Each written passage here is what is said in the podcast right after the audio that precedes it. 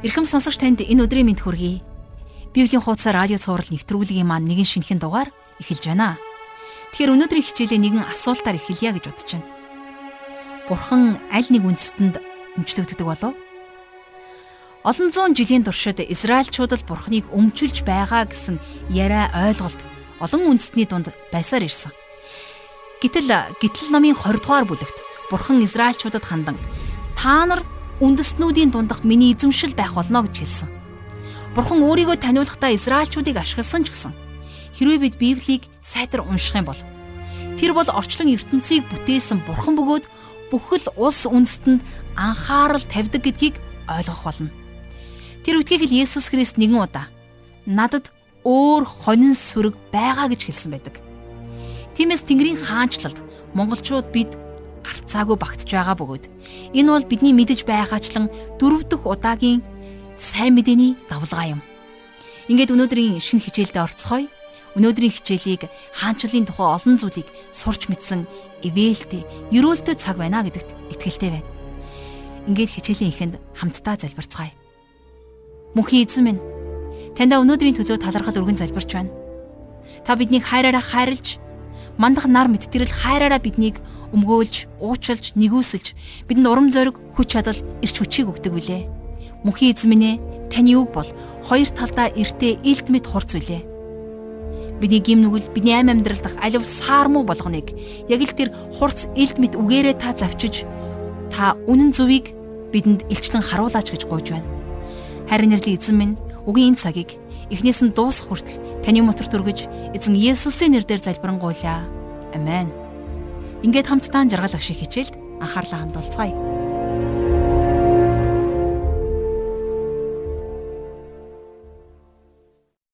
Өнөөдрийнхөө хичээлээр бид хамтдаа Исаи номынхон 56 дугаар бүлгийг судлах гэж байна.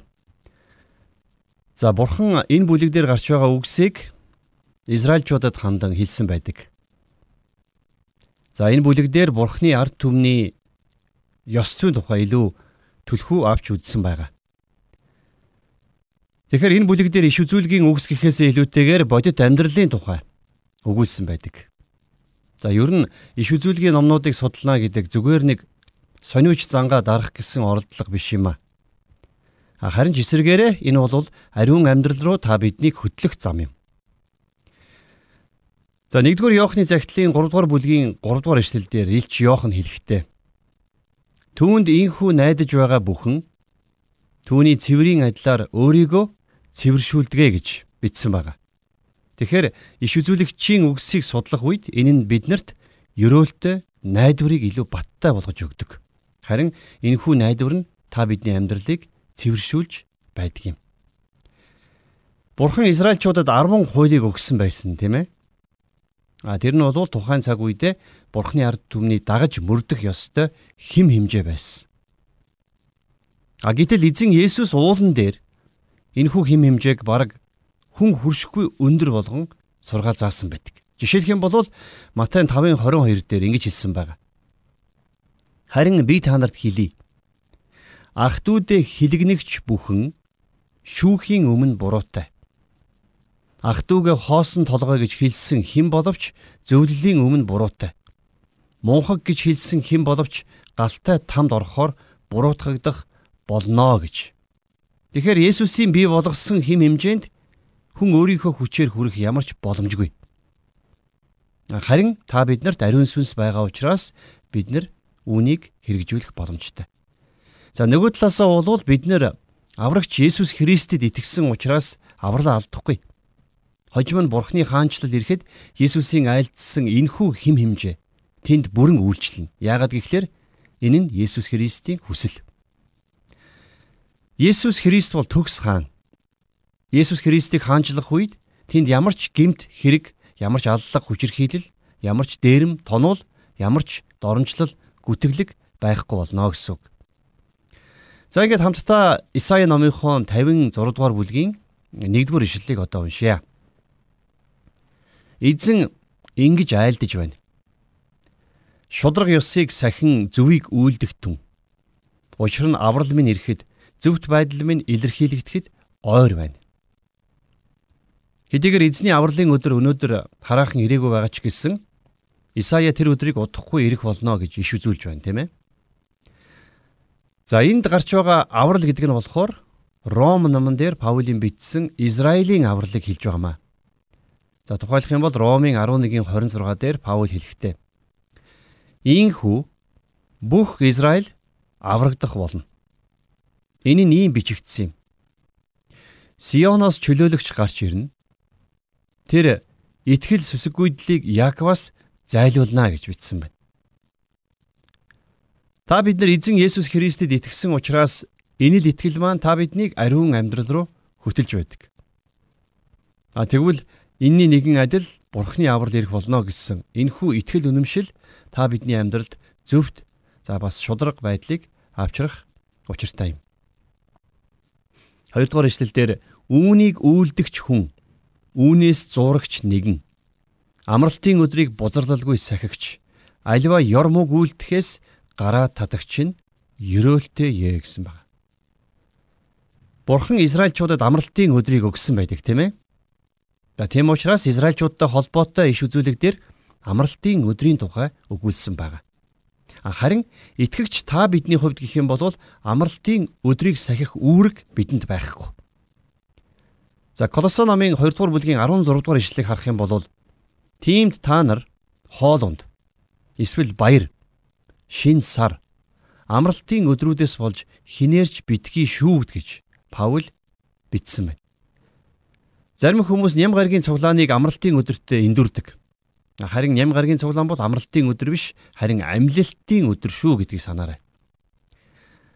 За 3 дугаар ишлэлдэр эзэнтэй нэгдсэн гадныхан эзэн намайг ард түмнээсээ салгана гэж бүү хийлэг тайган хүнч үзэгтэн би хувхарсан мод гэж битгий хэлгээ гэсэн байна.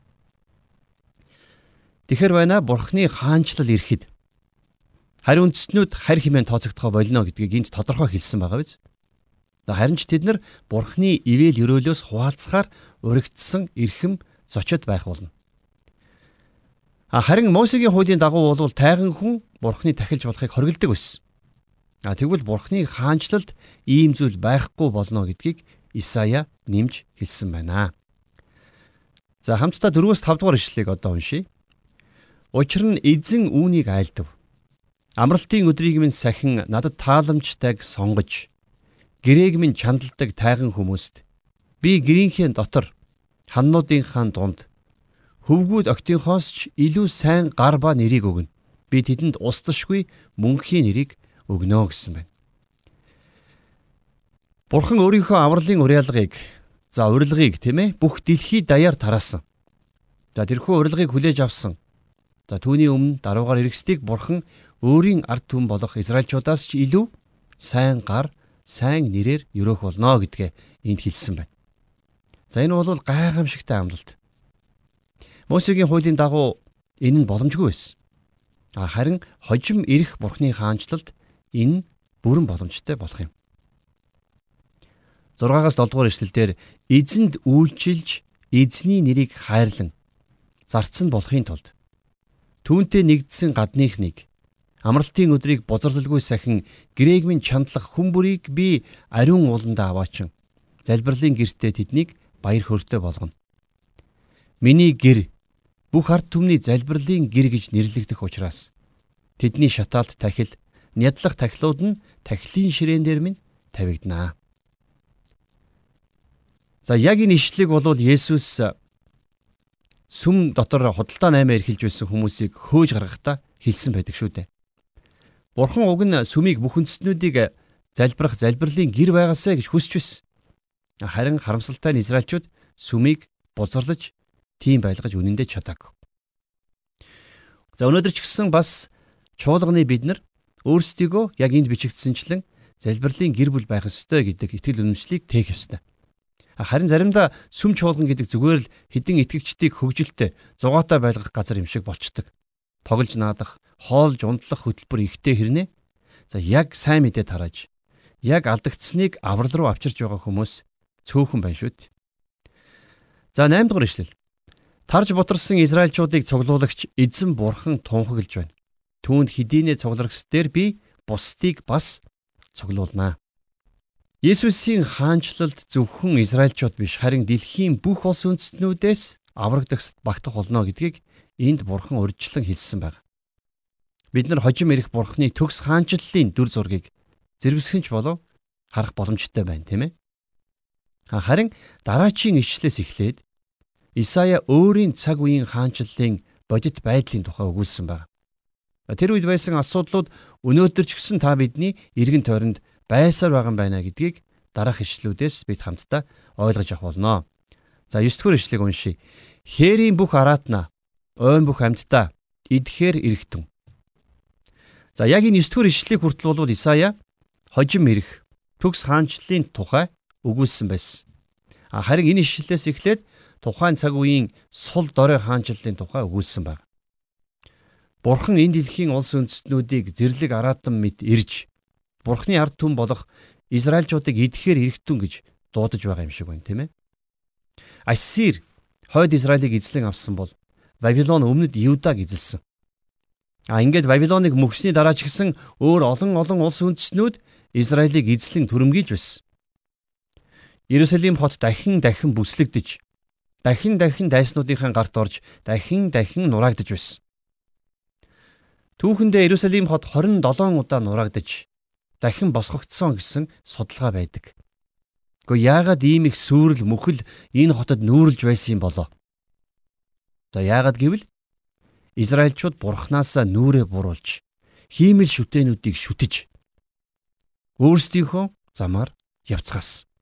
За тийм учраас бурхан тэднийг хээрийн араадны олз болгох мэт улс үндэстнүүдэд олз болгон өгсөн юм а.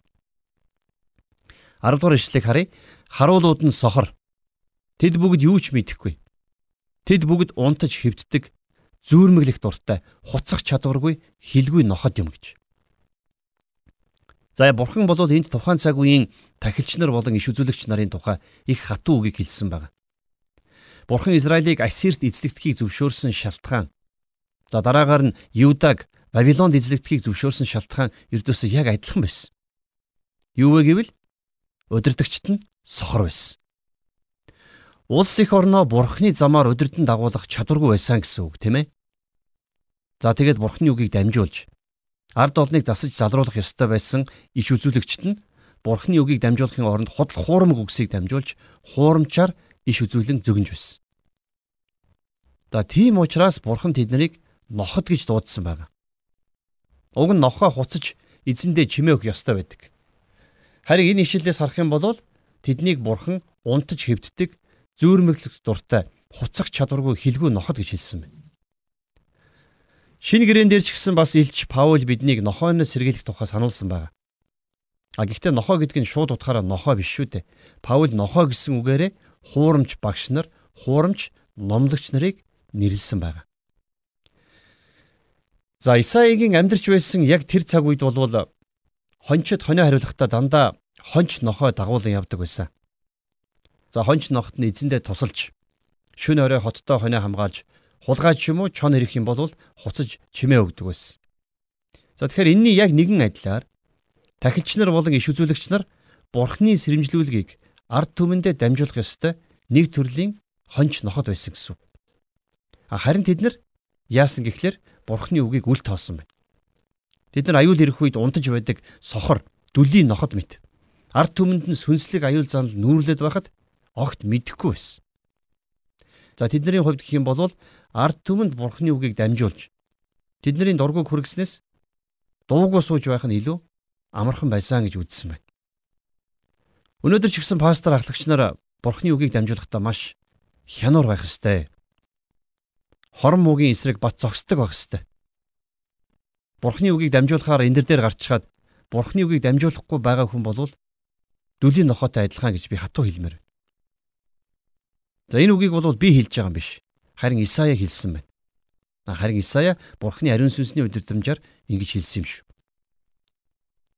Бурхны үгийг үннээр дамжуулж байгаа хүмүүст хүмүүс тэр болгон таатай хандаад байдаггүй. За ингэж таагүй хандлагаас нэмээсэн олон удирдагчид хүмүүс дандаа л аятай таатай зүйлсийг ярихыг хичээдэг болсон.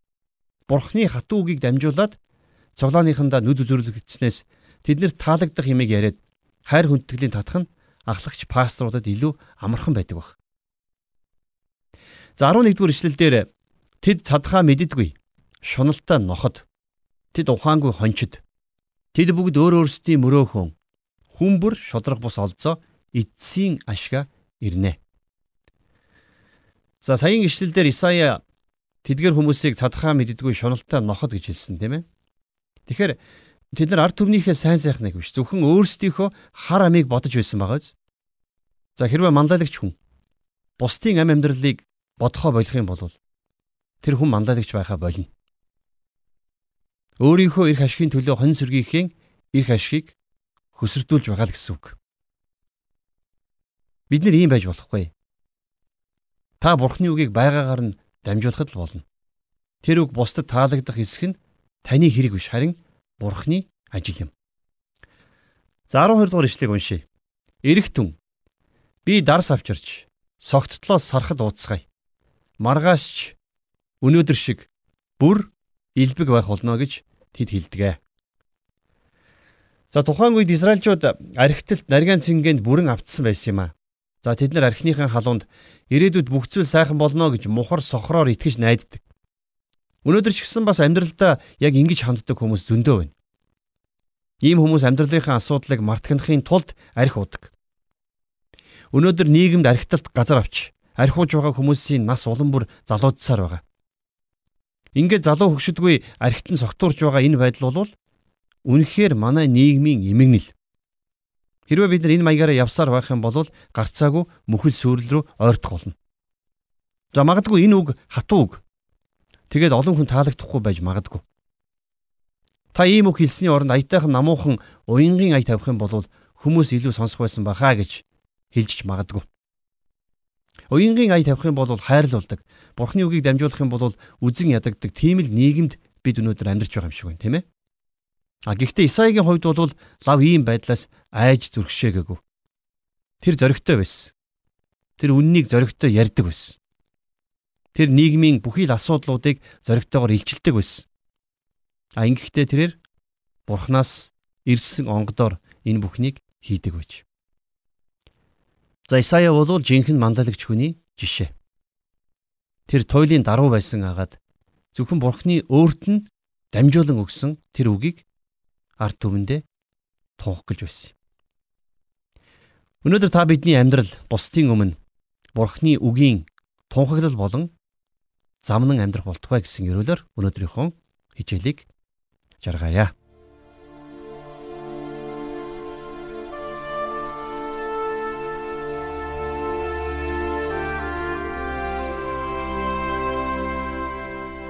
Тэгэхээр өнөөдрийн хичээлийг зааж тайлбарлаж өгсөн жаргалагчдаа баярлалаа. Саяхан гадаадд тамилтаар явж явах үед хүмүүс цахилгааны саатлаас болж гэрийн олон залгуурууд ажиллахгүй байна. Ачааллаас болоод аюултай санагдаж байна. Одоо яах вэ гэж асуусан. Харин надад нэг л хариулт байсан. Энэ бол аавыгаа хүлээ. Аав нь очиод бүх зүйлийг шийдэх болно гэж хариулсан юм. Заримдаа Есүс өөрөө ирээд л шийдэхгүй бол бидний үгээр магадгүй бидний үйлсээр шийдэгдэх боломжгүй олон асуудал энэ нийгэмд байна. Бид хичнээн гэрлэн бас хичнээн амтлаг давсан болж амьдарсан ч гэсэн Тэдгээр тэрслүү буруу асуудлуудаас болж хайртай хүмүүс маань хохирсоор байна. Гэхдээ бид зүхрэхгүйгээр яг л Исая шиг хаанчлалын сайн мэдээг тунхагласаар байгаа гэдэгт итгэлтэй байна. Хэрвээ хин нэг нь бидний итгэл үнэмшлийг хүүхдүүдээ буруу зүйл дотор орхихоор сул дорой гэж бодож байгаа бол том анд орч байна. Есүс Христ өөрийнхөө хаанчлалыг байгуулж авах үед түүнд итгэн хүлээж байсан бүхэн итгэлийнхээ үр жимс, итгэлийнхээ шан харамжийг хүлээн авах болно. Ингээд дараагийн хичээл хүртэл өнөөдөр сонсон сурсан болгоныхоо төлөө бурханд талархал өргөж залбирцгаая.